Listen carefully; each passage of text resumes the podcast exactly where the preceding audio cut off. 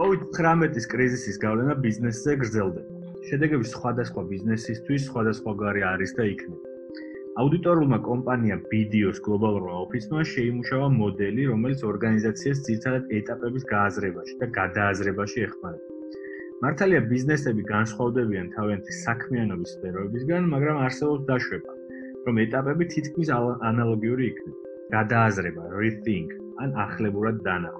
ეს არის დღევანდელი პოდკასტის მთავარი თემა. მარკეტერის პოდკასტის სტუმარია ბატონი ზურაბ ლალაზაშვილი, აუდიტორული და ბიზნეს საკონსულტაციო კომპანია BDO-ს მართველი პარტნიორი. ბატონ ზურაბ, მოგესალმებით.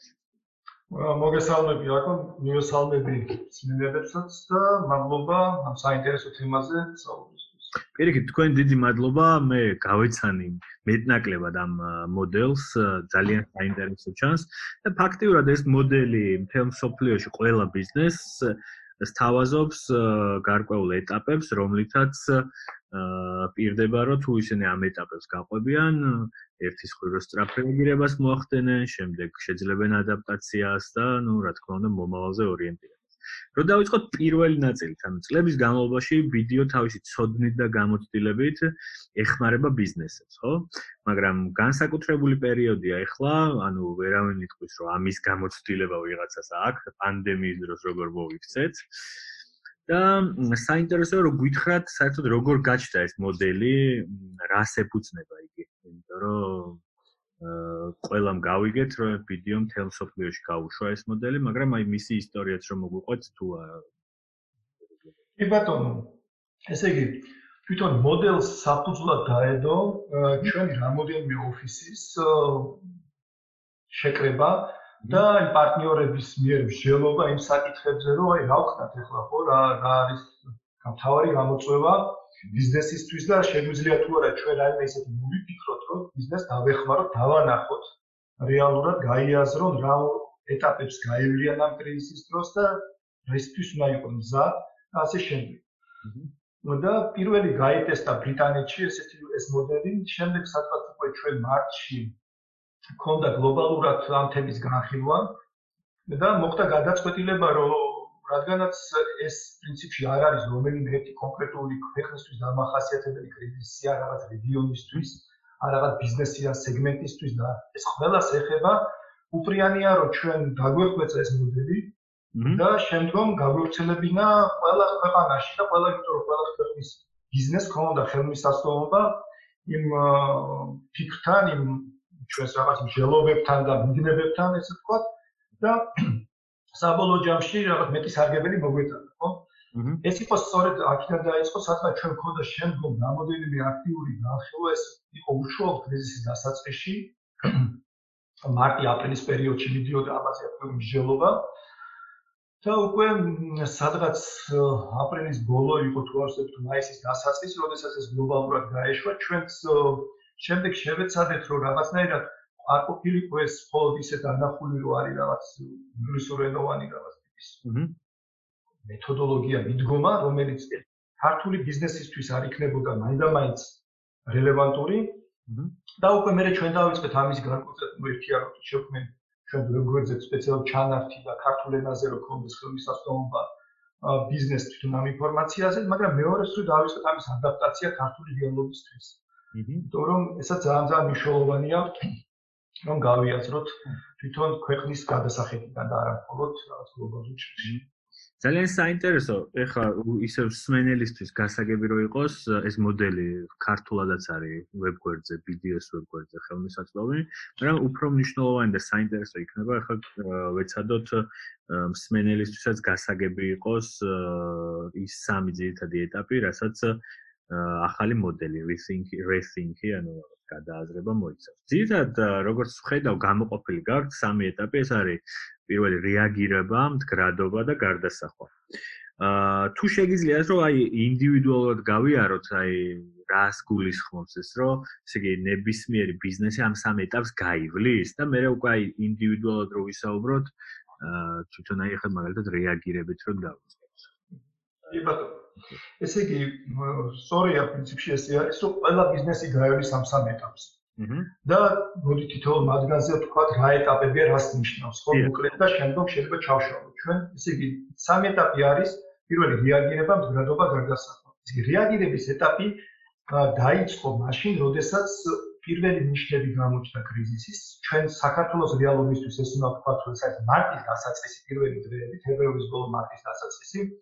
როდესაც ჩვენ უეცრად გავიაზრეთ ყველა ბიზნესმა, რომ რაღაცა ისე არ ხდება და რაღაცა გვერის, თუმცა ზუსტად არც ვიცით რა გვერის, რა ასე შეიძლება ვიფიქროთ, რა გავლენა ექნება ბიზნესზე, არც თავრობა იყო საკარაფო საქართველოსში ბევრი სხვა ქვეყანაში მზად ამისთვის და მაშინ იყო მყისიერი, ბევრი ბიზნესის მყისიერი გადაწყვეტილებები მიიღო და რაში გამოიხატებოდა ეს? გამოიხატებოდა იმაში, რომ ბიზნესებმა დაიწყეს ხარჯების პირველ რიგში, ანუ ფულადი გადახდების შეზღუდვა და ისეთი ხარჯების არ გაწევა, რაც აუცილებელი არ იყო, ანუ პირველადი საჭიროება არ იყო ბიზნესისთვის.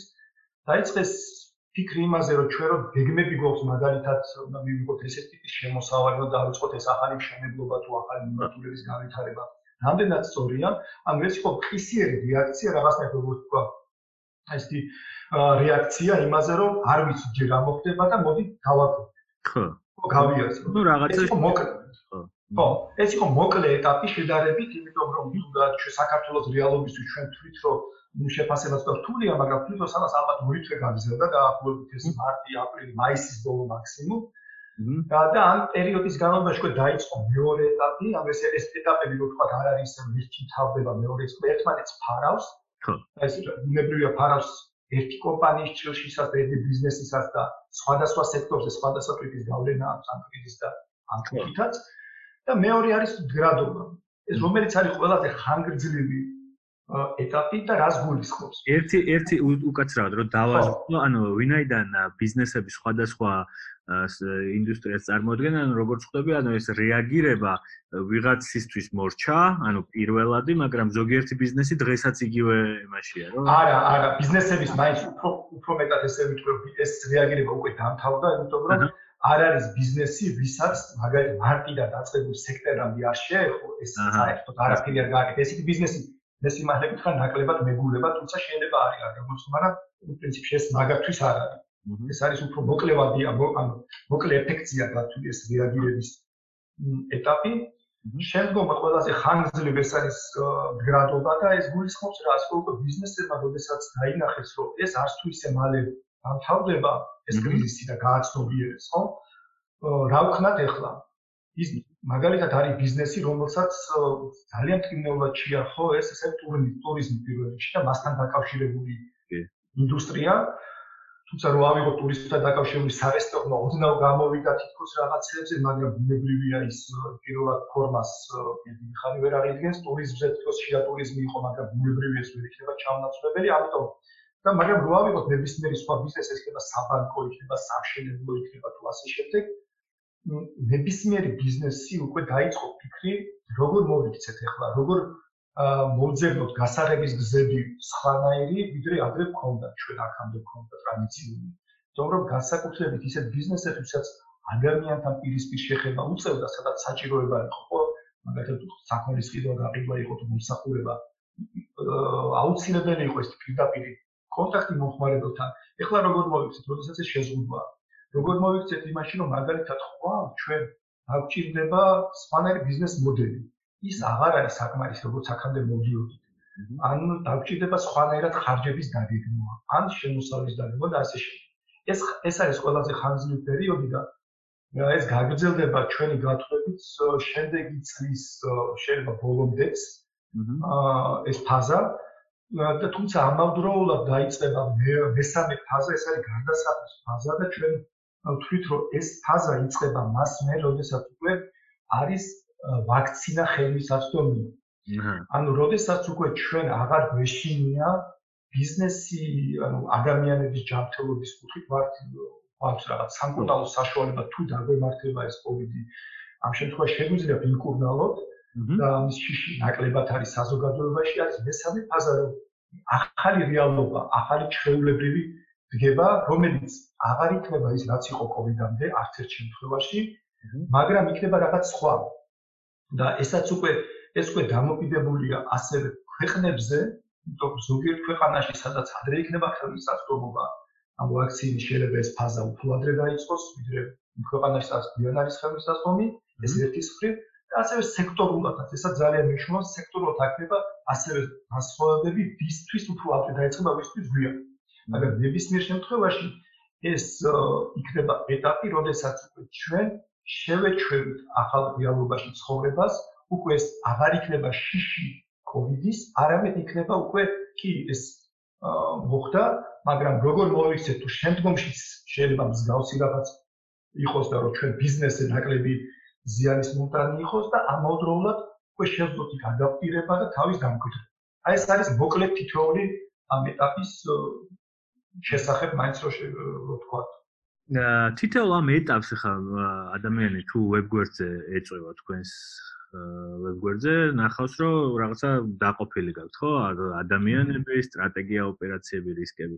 ერთი არის რომ ალბათ თუ ვიდეოსთან თანამშრომლობ ადამიანი ალბათ თქვენი კონსულტანტები პირადად თქვენ ეხმარებით მათ ამ ეტაპს მაგრამ ვისაც ამის საშუალება არ აქვს ურჩევდით რომ აი ამ მოდელით უბრალოდ ამ პუნქტებზე დაფიქრდეს გადაიაზროს თუ აი როგორ დამოუკიდებლად თუ შეუულია მოკლედ ხალხს ამ მოდელით იმუშავა ესე იგი ეს მოდელი არ არის იმისთვის აუცილებლად რომ ჩვენი სერვისი გავწიოთ ესე რა. ან ეს მოდელი არის უფრო იმისთვის რომ თვითონაც უბრალოდ ბიზნესი თუ შევა და შეხედავ ძალიან ეს არის ძალიან როგორ ვთქვა ადამიანური ყველასთვის გასაგები თემებია, რომელსაც შეიძლება ინსტინქტურად აკეთებს კიდეც ბიზნესი გარკვეულწილად რა, ბევრი, მაგრამ ვერი აზრებს ამის მერე რა მოდის. რა თემებზე უნდა იფიქროს, ხო? ეს არის ყველაზე მნიშვნელოვანი, აი ეხლა ვართ ამ ეტაპზე და ამაზე უნდა ვიფიქროთ. ეს სამოცალე უნდა გადავჭრა. ეს სწორედ ამისი აზრის ეს იყო ჩვენ როდესაც დავიწყეთ ამაზე ფიქრი, რომ თვითონ შეძლებოდა ბიზნეს გაეაზრებინა, რომ აჰა, ეხლა აქ ავარ, ხო, ესე იგი მელის ესეთი რაღაცები წინ და ესე იგი ამაზე უნდა ვიფიქრო. და რა თქმა უნდა, დიდ უმრავლესობა შეიძლება არ დაჭირდეს ჩვენი დახმარება იმაში, რომ რაღაც ამოცანები გადაწყვეტოს. მაგრამ თუ ვინმეს დაჭირდება ბუნებრივია რომ კონკრეტულ თემაზე, იმიტომ ეს უკვე გავაკეთეთ ჩვენიც მერე რომ უკვე ამ ეტაპების მიხედვით და თემების მიხედვით ჩავშალეთ რა ეტაპზე შეიძლება როგორი ტიპის სერვისი იყოს საჭირო. იმიტომ ჩვენთვისაც გასაგები ყოფილიყო ჩვენი შიდა დოკუმენტი ასე ვთქვათ, რომ ვიცოდეთ რომ მაგალითად თუ კომპანია იტყვის რომ მე ხლა ვარ მდგრადობის ეტაპზე და ფიქრობ ჩემს არის რაღაც შიდა პროცესებზე თანამშრომლობის კუთხით რა ვქნა ჩვენ შეგვიძლებოდა უკვე იდენტიფიცირება მარტივად დაგვეკეთებინა და გვეთქვა რომ შენ თუ ხარ ამ ეტაპზე და ფიქრობ თქვა ამისი შიდა პროცესებზე თანამშრომლებზე რისკებზე და ასე შემდეგ და ასე შემდეგ მაშინ შენთვის რელევანტურია თუ საჭირო ჩაფრისო აი ამ თქვა მოსახურებით ისარგებლო თუმცა ხო ეს არ არის პირველადი ამისი ამოცანა სალსახად არის რომ გასაყიდი პროდუქტია. მაგითი არის ზუსტად საინტერესო რომ ეს თითოეულ ბიზნეს ანუ დიდ სურათს დაანახებს, ხა მეც უყურებ დიაგრამაზე და ვხედავ რომ ანუ რა კომპონენტებზე ის დაფიქრება. ბატონ ზურაბ, თქვენი ორგანიზაციის გამოცდილებით მაინტერესებს, მას შემდეგ რაც ეს მოდელი მიიღეთ, უკვე აი საქართველოში თუ მოხდა ჩართულობა და კონკრეტული რაღაც მაგალითი თუ გახსენებათ, რომ რომელიმე ორგანიზაციამ აი კარგად გადაეწყო ამ გრადობის ეტაპის აღიარება მოახდინა ერთის მხრივ და მეორეს მხრივ რაღაც ან თანამშრომლების ნაწილი დახვეწა ან ბიზნეს პროცესები გააუმჯობესა ან გადააწყო. აი რამე ხო არ გახსენდებათ ესეთი. ესე იგი ერთ მაგალითს მე ვიყავ ორ რაღაცაზე გავავალოთ კონკრეტებას. ესე იგი პირველი იყო როდესაც ჩვენ ეს თემა წარმოვიდა პირველ რიგში, მაშინ მქონდა მასპინძლობის სექტორისთვის გარკვეული ვებინარი ჩავატარეთ ჩვენ ივნისის თვეში იყო ეს, როდესაც მათ გავაცანით ეს მოდელი თვითონ და გავაცანით კონკრეტულად ა მათი ინდუსტრიისთვის რაზე უნდა ეფიქრა, ანუ ადაპტირებული ვერსია გავაკეთეთ ამისი კონკრეტული ინდუსტრიის ჭრილში და გავეხმარეთ ახლა რა თქმა უნდა მე შორს ვარ იმაზე სადაც რომ კონკრეტულად ერთი მოდელი რაღაც ერთი გადაწყვეტილება ამ ინდუსტრიას ძირფესკრინად შეცვლის მაგრამ აქ იყო ის თემები რომ სწორედ ესე დავანახეთ რაზე უნდა ეფიქრა იმიტომ რომ და ეს იმიტომ ეს არის გრძელვადიანი თემა ხო ის განახლება რეალურად და მეორეს ვიტყვი ესეთი კუთხით რომ მაგალითად ჩვენ გავაკეთეთ ერთ-ერთ კომპანიაში ეს უფრო ციფრული პროდუქტების კუთხით იყო ეს გადაწყვეტა. აა, როდესაც ჩვენ ციფრული ტრანსფორმაციის პროექტის ფარგლებში მონაცემების ანალიზის, მონაცემების მონაცემებზე დაფუძნებული გადაწყვეტილების მიღებაში დავეხმარეთ და ახლა კონკრეტულად რაში მდგომარეობდა ეს.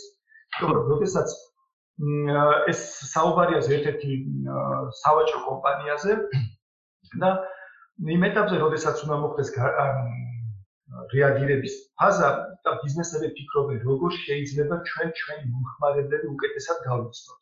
უფრო მივხვდეთ მათი საჭიროებები, ხო, მათ შორის ერთ-ერთი მნიშვნელოვანი თუ აქამდე არ იყო საჭირო, იმიტომ რომ ადამიანი მოდიოდა და შეთავაზება კეთდებოდა პირობითად ხო, თვითონ აი პროდუქცია რაც იყო წარმოქმნილი კონკრეტულ მაღაზიაში, უფრო ტექნიკის ტექნიკის მაღაზიაზე საუბარი, ხო? ამ შემთხვევაში ჩვენ გავაკეთეთ მოდელი, როდესაც კომპანიას შეეძლებოდა მომხმარებლის ქცევაზე დაფუძნებით უკვე წინასწარ გათვლა იმისა თუ ამ მომხმარებას რა უნდა შესთავაზოს. მაგალითად ვთქვი, რომ თუ მაგალითად მე ვარ მომხმარებელი და მომხმარებელი, რომელიც ვიყიდე დღეს ტელევიზორი, ყველაზე კარგად ტელევიზორთან ერთად რა უნდა შემომთავაზოს ბიზნესმა. ხო, მაგალითად შეიძლება ეს იყოს, არ ვიცი, რაღაცა ცენტრი ხმის გამაძლებელი ან დინამიკები პირობითად ვამბობ, ხო? ან თუ არის მონაცემები მის შესახებ, რომ მე მაგალითად ვიყიდე უკვე ტელევიზორი რაღაც ერთი თვის წინ, მეორედ აღარ უნდა მომემიგეს შეტყობინება იმას, რომ ტელევიზორი შემიცი, ხო? არამედ უფრო იმასთან ყველაზე ახლოს კორელაციაში რა პროდუქტი არის ხოლმე იყიდება. ეს არის პრინციპში ჩვენთან ამ კუთხით იმუშავეს უფრო მონაცემთა მეცნიერება, მონაცემთა ანალიტიკოსებმა, შექმნეს ალგორითმები სპეციალური, რომელიც რეკომენდაციების სისტემა ეგრეთ წოდებული, ეს იყო სწორედ ამ ამ ფარგლებში, როდესაც ჩვენ ვფიქრობთ, რომ ახლებურად დაინახოს ბიზნესმა, აა ის შესაძლებლობები, რაც ერთის მხრივ წაართვა ამ კრიზისმა, მაგრამ მეორეს მხრივ გამოუჩინა და რატომ? იმიტომ რომ რაზე ქონდა ჩვენ ერთ-ერთი მნიშვნელოვანი კომუნიკაცია ზოგადად საზოგადოებასთან. ეხლა არის დრო, როდესაც ჩვენ ეს კრიზისი გაგვანახებს ჩვენს სუსტ მხარეს რეალურად და გაგვანახებს სად უნდა უფრო მეტად გავაძლიეროთ ძალისხმევა. და მათ შორის რაც არის ძალიან მნიშვნელოვანი ბიზნესებმა ტექნოლოგიების გამოყენება საქართველოში უფრო და უფრო მეტად ხარისხიან უნდა შეძლონ და უფრო ჭკვიანად. რომ შეუძლებელია ჩვენ ბიზნეს კონდეს დღეს საქართველოში და გლობალურადაც უფრო მეტად იმისი რესურსი, რომ ჩადოს ძალიან დიდი თანხები ტექნოლოგიებში, იმიტომ რომ ეს ხდება არ ვიცი, მილიონები ჯდება ზოგადად ინა საშუალო ზომის კომპანია იყო, ინა დიდი ძვირი ჯდება, რომ შენ ძალიან მაღალ დონეზე ქონდეს ტექნოლოგიური განვითარებული და ხელოვნური ინტელექტი გამოიყენა და ასე შემდეგ.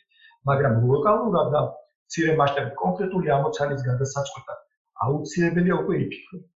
და შესაბამისად ამ შემთხვევაში კონკრეტულ მაგალითს მაგალითს ავიღებ ჩვენ რა საუბრი რას გამოიწვევს ეს გამოიწვევს ორ რაღაცას ერთი რომ გაყიდვების ზრდას გამოიწვევს და უფრო ვეცოდინება რა უნდა ჩვენს მომხმარებელს ზუსტად შევთავაზებთ იმ დროს, როდესაც ყველაზე რელევანტური დრო არის და იმ პროდუქციას, რაც ყველაზე დიდი ალბათობით არის მისთვის საჭირო. მეორე მხრივ ჩვენ არ დავხარჯავთ ადამიანურ რესურს, კონსულტანტების რესურს გულისხმობ იმაში, რომ რაღაც სხვადასხვა რაღაცეები თულა ურჩენ ადამიანს, ანუ აქია ჩვენ შეგვიძლია რომ ხარჯების ოპტიმიზაციაზე გავაკეთოთ გარკვეულ გაცვლა ერთის მხრივ და ძალიან მნიშვნელოვანი ასევე, როდესაც ჩვენ შეგვიძლია პროდუქციის დაგეგმვა სწორედ გავაკეთოთ, ანუ გულისხმობ იმას, რომ უკვე დიდი ალბათობით უფრო სწორად დავხვდით ჩვენი მარაგები, რომელიც უკვე განვათავსოთ იმ კონკრეტულ მაღაზიაში, ვინაიდან ესეც ერთ-ერთი დიდი დანახარჯია ეს ტიპის რიტეილერებისთვის, როდესაც არის პროდუქცია, სადაც უკვე ჩავდოთ დიდი თანხა ჩვენ და ეს თანხა ქონდეს გაგუწევ გაყიდული და სწორედ ბიზნესის მოგება ტიპის ბიზნესის იმაში მდგომარეობს, რაც სწრაფად იყიდება პროდუქცია, რაც სწრაფად ბრუნავს ეს ეგრე ასორტიმენტის ყველა ყველა ვიცი. აქედან გამომდინარე ამ რამოდენიმე ამოცანას წხვედა ეს და ეს იყო სწორედ როგორც თქვი ამოცანა რომელიც სწორედაც ეს არის ამ გრადობის ფაზის გადაწყვეტა და თუ ბიზნესი ამას უკვე აითვისებს ამ კომპონენტს, როდესაც შემდგომ ანუ ეს აღარ იქნება მხოლოდ კრიზისის დამახასიათებელი მისი საქმიანობის ნაწილი, არამედ ამას შეინარჩუნებს მუდმივად პოსტკრიზისულ პერიოდში, ეს უკვე იქნება გარდასავლის ეტაპი, როდესაც უკვე ბიზნესი ბიზნესმა მოერგულეს კონკრეტული მოდელი და დაიწყო მისი გამოყენება დღეს, მიიღო სარგებელი, მაგრამ ამას გააგრძელებს ხვალაც, იმიტომ რომ ეს თვითონ ეს არ არის მარტო იმისთვის, რომ დღეს რაღაც კრიზისის დროს გავზადო გაპირებამეთ მუდმივია. აქედან გამომდინარე ჩვენ ეს გადასვლა ამ ერთი ფაზიდან მეორეში კარგად გვაჩვენებს სწორედ ეს მაგალითი, როგორ უნდა როგორ შეიძლება მოდელის მოდელის ჭრილში შევხედოთ ბიზნესის ქცევას. ძალიან მნიშვნელოვანია პრინციპში თუ დავაკვირდებით უკვე ბევრ ორგანიზაციას ვხედავთ ადრე რომ ციფრული ტრანსფორმაცია ძალიან ისე საშიშ სიტყვად მიაჩნდა და საერთოდ არს განიხილავდნენ. დღეს ჩემი დაკვირვებით მოკლედ ბევრ ბიზნეს დღის წესრიგში ეს საკითხი უდგას მაგრამ და აკეთებენ კიდევაც რაღაცა ონლაინ მაღაზიები მოდელებს წვიან და ასე შემდეგ.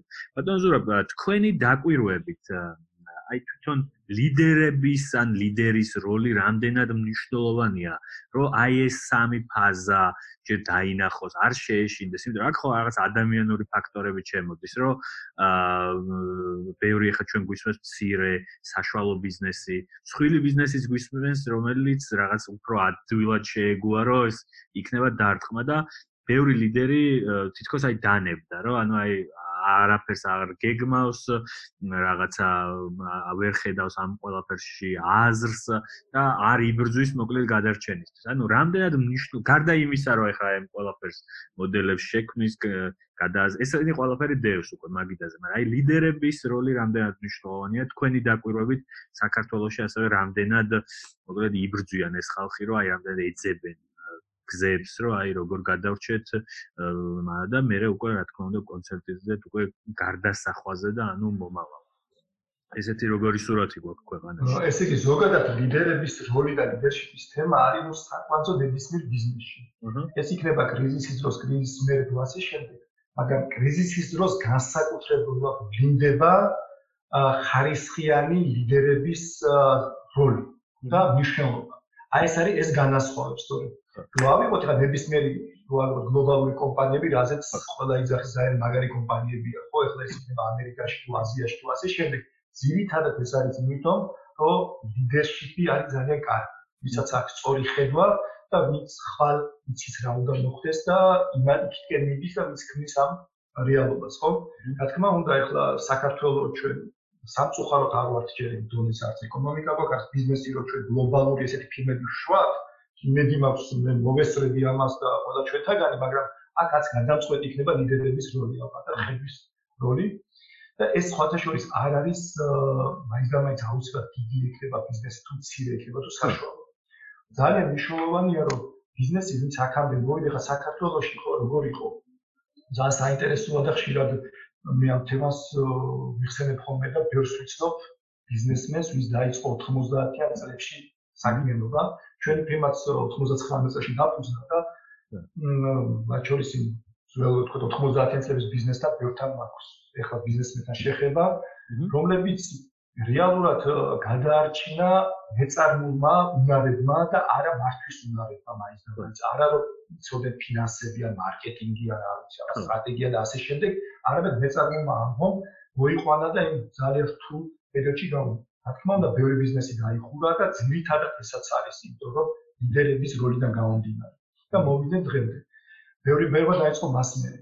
მაგრამ ნებისმიერ ნებისმიერ შემთხვევაში ჩვენ ახლა ესე უნდა შევხედოთ ლიდერებმა თუ დღეს არ იფიქრეს როგორ მართონ საკუთარი კომპანია შეამცირო შეიძლება მასშტაბი მაგრამ უნდა გაძლო აი ეს უნდა იცოდე უნდა გაძლო რომ ნებისმიერ შემთხვევაში დადგება დრო როდესაც პოსტკრიზისული აღმავლობა იქნება შეიძლება საქართველოს არ იყოს ისეთ როგორ ჩვენ გვინდა ორნიშნა ზრდა მაგრამ ნებისმიერ შემთხვევაში ეკონომიკის ზრდა იქნება პოსტკრიზისულ პერიოდში როგორც კი გამოვა პირველი ვაქცინა როგორც კი ხელმისაწვდომი იქნება საქართველოს და ადამიანს არ შეეშინება გარეთ გასვლა თავისუფალი.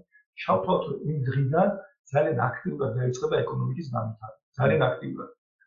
მიუხედავად იმისა, სწორი რეგულაცია გვექნება ჩვენ, მიუხედავად იმისა, გვექნება თუ არა როგორი დაბეგრის რეჟიმი თუ ასე შემდეგ, ბიზნესი ნიშნობის გზას როგორ განვითარდეს.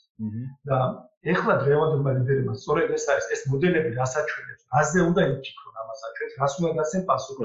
მაგრამ მაინც თავარია რომ უნდა გაძლონ იმ ეტაპამდე, სხვადასხვა გზით ხო ეხლა ზართულია ყველა ინდუსტრიაზე ყველა ბიზნესზე მოსაზრება მქონდეს მე ამ იმეს როგორ უნდა კონკრეტულ ნაბიჯები გადადგას თუმცა ამ ფორმატში თუ კარგად არის. მაგრამ თავარი მათი ამოცანა არის რომ ბიზნესი გადაარჩინონ გაძლონ ეს იქნება თქვა შეცვლა მომხმარებლის და ბაზრის ეს იქნება ძალიან მნიშვნელოვანი შემცირება მასშტაბების. თუ ასე შემდეგ ნებისმიერ შემთხვევაში ეს უნდა კონდიცო რომ დადგება დრო არაუდობთ ჩვენ რომ სადღაც 9-9 თვემდე ეს პერიოდი დადგება საქართველოს შესაძლოა ჩვენ დაიწყება ზრდა ბიზნესის და იმ დროისთვის უნდა იყოს მზად იმისთვის რომ გამოიყენონ ის შესაძლებლობა ბიზნესის და ეკონომიკის ის შესაძლებლობა გამოიყენონ. აი ეს არის ძალიან ძალიან კრიტიკულად მნიშვნელოვანი ძალიან კარგი.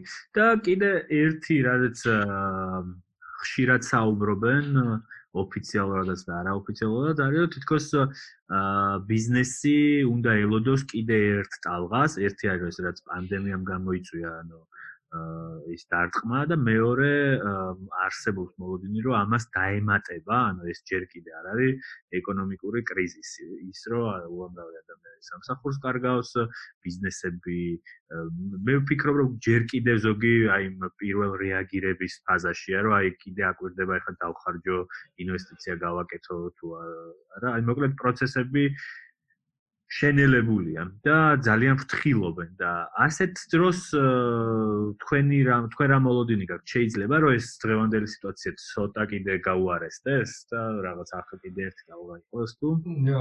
ეს იგი ჯერჯერობით მე მე ერთ ტალღაში განვიხილავ სიმართლე თქვა ამას ანუ სანამ არ იქნება როგორც ვაქცინა ხელის ასწორი იქამდე არის ერთი ტალღაც მე ერთ ტალღად განვიხილავ ამას იმიტომ რომ ჯერჯერობით ჩვენ საბოლოო სურათი რა გავლენას ახდენს ეკონომიკაზე საქართველოს ეკონომიკას გულისხმობ მაინც არ მოხდა ეს გათვლები და დაშვებები აი რო ავიღოთ მაგალითად რაც იყო თქვა მარტში და აპრილში დაშვებები იმაზე ის შეიცვალა მნიშვნელობა.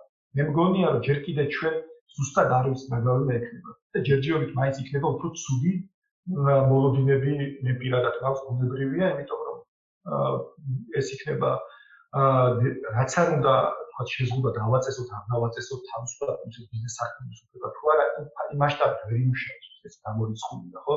ამიტომ ჯერჯერობით გაუარესება იქნება, მაგრამ მას როგორც კი იქნება, როგორც აღნიშნე ხელმისაწვდომი ვაქცინა, ისეთი რასაც დობა შეიძლება და ის შედეგად უკვე აღარ შემეშინდება ჩვენ თავისუფალი ურთიერთობა, მას მე ნებისმიერ შემთხვევაში დაიწყება ეკონომიკური აღმავლობა.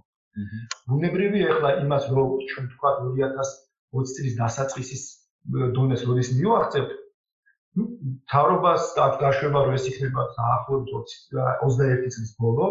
მე სიმართლე გითხრათ უფრო გვიანველი ამას იმიტომ რომ მე არ ველი რომ შემდეგ წელს ძალიან დიდი კარგი შედეგი გვექნება მაგრამ იქნება ნებისმიერ შემთხვევაში პოზიტიური. თუ ეს იქნება მაგალითად პირველ კვარტალში ხელმისაწვდომობა გვექნება ვაქცინის ჩვენ ხო? ეს არ ნიშნავს რომ ყველას უკურნალებ და თქვა ის არ იქნება კიდე ეს არ შეხვდება და ცუდ შედეგებს არ დებს მაგრამ ბიზნესისთვის ეს იქნება უკვე რაღაცნაირად შეზღუდვების მოხსნა და თავისუფალი საქმიანობის საშუალება, რისკის აღება, ინვესტიციაზე გადაწყვეტილების მიღება და ასე შემდეგ. ეს ფაზა დადგება, რაც აუცილებელია ეკონომიკის და საერთო ბიზნესის დასავლეთად. ამიტომ მე ვფიქრობ, რომ კითხვაზე რომ მოკლედ შევაჯამო. ეს ერთ ერთ ფაზად განიხილავ მე ამას და ჯერჯერობით იქნება გაუარესება, თუმცა ხო ამოფანი ეს არის ბიზნეს შემთხვევაში დროებით. ზოგადად, მაგრამ დროებით. და ერთი კითხვა რომელიც ძალიან ბევრ ჩვენს მენელს აწუხებს ვინაიდან ალბათ ამას ახლა რაღაც ქვეყნის გარემოც აძლიერებს იმიტომ რომ ვიღაცები აკეთებს განცხადებას არ ქვეყნის კი არ დაჟე სოფლიოში რა ბევრი ეპიდემიოლოგი თავის აზრს გამოთქვამს არის მოსაზრება რომ შეიძლება საერთოდ არ გამოვიდეს ვაქცინა რომელიც აბსოლუტურად სრულად გააქროს ამ ვირუსს ასეთი სცენარის შემთხვევაში უბრალოდ არაუდია რომ ეს მდგრადობის კომპონენტი გაგრძელდეს დიდხანს თუ არა ეს იქნება უკვე ახალი რეალობა ან უკვე ჩვენ მაშინ დავარქოთ თუ ეს არის ახალი რეალობა რასაც ჩვენ ვეძახით ახალი ანუ და ის იქნება გარდასახვის ფაზა უკვე იმიტომ რომ ჩვენ შევეგვებით რომ ვიტყვით ეს არის всё მეტი აგარ მის ვაქცინა ესე იგი ესე უნდა ვიცხოვრო ესე უნდა ვიცხოვრო ნებისმიერ შემთხვევაში ჭირდება ეკონომიკას განვითარება ბიზნეს განვითარება და უკვე იმას შევებულებით ჩვენ. მაგრამ მე მაინც იმეც ვიტყვი, არ ვარ რა თქმა უნდა, მე ამის სპეციალისტი არც აა ვერც ვიტყვი ამას, თუმცა იმეც ვიტყვი, რომ ეს ვაქცინა მაინც გამოვა, იმიტომ რომ ვაქცინის გამოუსრულობა ნიშნავს, რომ ეს გარდასახვის ფაზა ჩვენ რასაც ვეძახით, უფრო გვიან დაიწყება. და რაც გვიან დაიწყება, ეკონომიკური კრიზისი მის უფრო მეტი დიდი იქნება და მის უფრო მით უფრო რთული იქნება ამოსვლა აი ამ ჩავარდნიდან. გასაგებია. და რო გადავიდეთ უკვე ბოლო ნაწილზე, ისევ და ისევ ჩვენი მსმენელისგან გამომდინარე, თქვენი ამდენწლიანი გამოცდილებით შეიძლება ითქვას რომ პანდემიის მიმართ ბევრ ორგანიზაციას არ აქვს ეს გამოცდილება, მაგრამ ბევრი კრიზისი გამოუულია საქართველოს მიწოდეს თქვენი გადმოსახედიდან ახლა 99 წლიდან რევოლუციები, ომი, ასე შემდეგ ფინანსური კრიზისი. აი ესე დროს, იმიტომ რომ ეხა ერთი არის რომ ის 90-იან წლებში დამწყებ ბიზნესმენებს, ზუსტად როგორც თქვით, ეს მეწარმეობრივი რაღაც სულისკვეთება მათ გადაარჩენს. ანუ შეიძლება გუშინ არ ვიცი სახლებს აშენებდნენ და ხვალ თუ არ ვიცი პირბადის წარმოება იქნება მომგებიანი სწრაფად მოახდინონ ადაპტაცია და გადმოერთონ ამაში, მაგრამ ის ახალგაზრდა თაობა, რომლისთვისაც ეს საერთოდ პირველი კრიზისია ბიზნეს საქმიანო ვის მიმართულებით. მათ რას ეთყოდით და რას ურჩევდით, რომ თუნდაც აი ფიქრი საიდან დაიწყონ, ერთი არის მოდელი კარგად გაიაზრონ და დაინახონ თითოეული პროცესი, მაგრამ კიდე რამე ხო არის, რასაც ურჩევდით, რომ ესე იგი, პირველ რიგში მე ვეთანხმები მიდიას, რაც არ მკლავს ბაზილიანებს. აჰა. ანუ პირველ რიგში არის ის, რომ ესე უნდა შევხედოთ. ეს არის ძალიან ძალიან დიდი გამოწვევა, ძალიან რთული, მაგრამ ეს არ არის ის, რომ ის გამო ჩვენ ვერაფერს ვეღარ გავაკეთებთ ეს შეიძლება, ხო? უბრალოდ ძალიან მნიშვნელოვანია აქ განსაკუთრებით ახალგაზრდა თაობა, რომელსაც იმართეთ თქვა, ვაკვირდები, ბევრი ძალიან საინტერესო იდეები მოდის, ინოვაციური იდეები მოდის და ვაკვირდები ასევე, რომ ბევრი ახალი თაობის ბიზნესმენი ჩდება. მართალია, ეს არ არის ხილი ბიზნესი, მაგრამ ვერც იქნება ბიზნესი, მაგრამ მიწყებენ.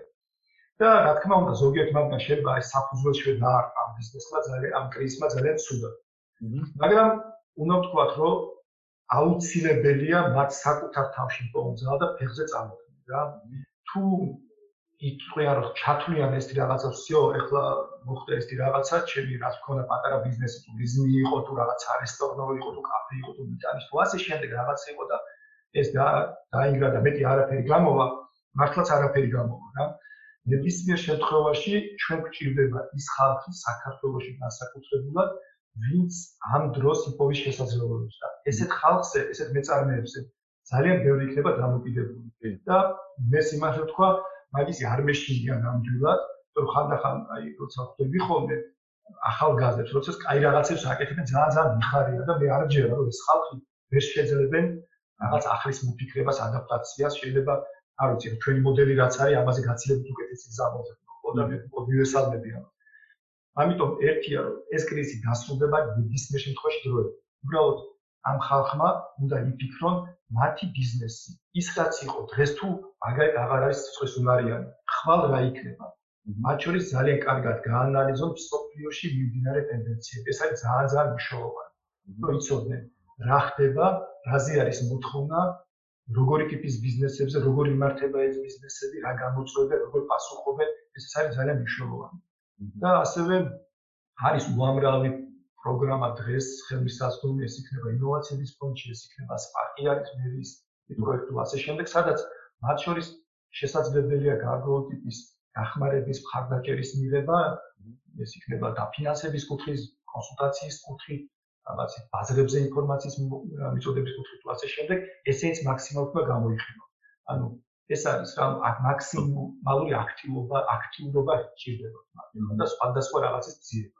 დაკვირვება დარწმუნებული ვარ ხო დარწმუნებული ვარ შედეგი ექნებათ ეს მაგიში არა ყველას მაგრამ უმრავლესობას. უმრავლესობას. და ალბათ ეს გამოცდილებად სამომავლოდ ძალიან ძლიერ ლიდერებად და ორგანიზაციებად ჩამოაყალიბებს იმიტომ რომ უკვე ეს არ იქნება ის რაც სამომავლოდ არ გამოგვადგება ნებისმიერი სამომავლო გამოწვევისთვის ეს პრაქტიკა ეხლა რასაც გაივარჯიშებენ მოკლედ დაეხმარება თქვენ მგონი ბიზნესის შენარჩუნება და განვითარებაში. კარგი, ნამდვილად ვიზიარი ფაიქს.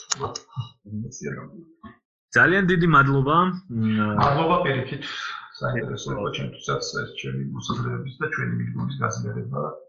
კი, ნამდვილად ძალიან საინტერესოა, იმიტომ რომ მეორე ეს დიოს მიერ შემოთავაზებული მოდელი ნებისმიერ ბიზნეს არ აქვს მნიშვნელობა რა მიმართულებით მოღვაწეობს იგი, დაეხმარება დიდ სურათში დაინახოს ეტაპები და ასევე ის პროცესები, რომლებსაც აუცილებლად მიიქცეს ყურადღება. ჩვენი სტუმარი იყო ვიდეოს მართველი პარტნიორი ბატონი ზურა ლავაზაშვილი, მე კი შეგახსენებთ ეს მარკეტერის პოდკასტია, რომელსაც წარმოადგენს საქართველოს ბანკი ბიზნესი.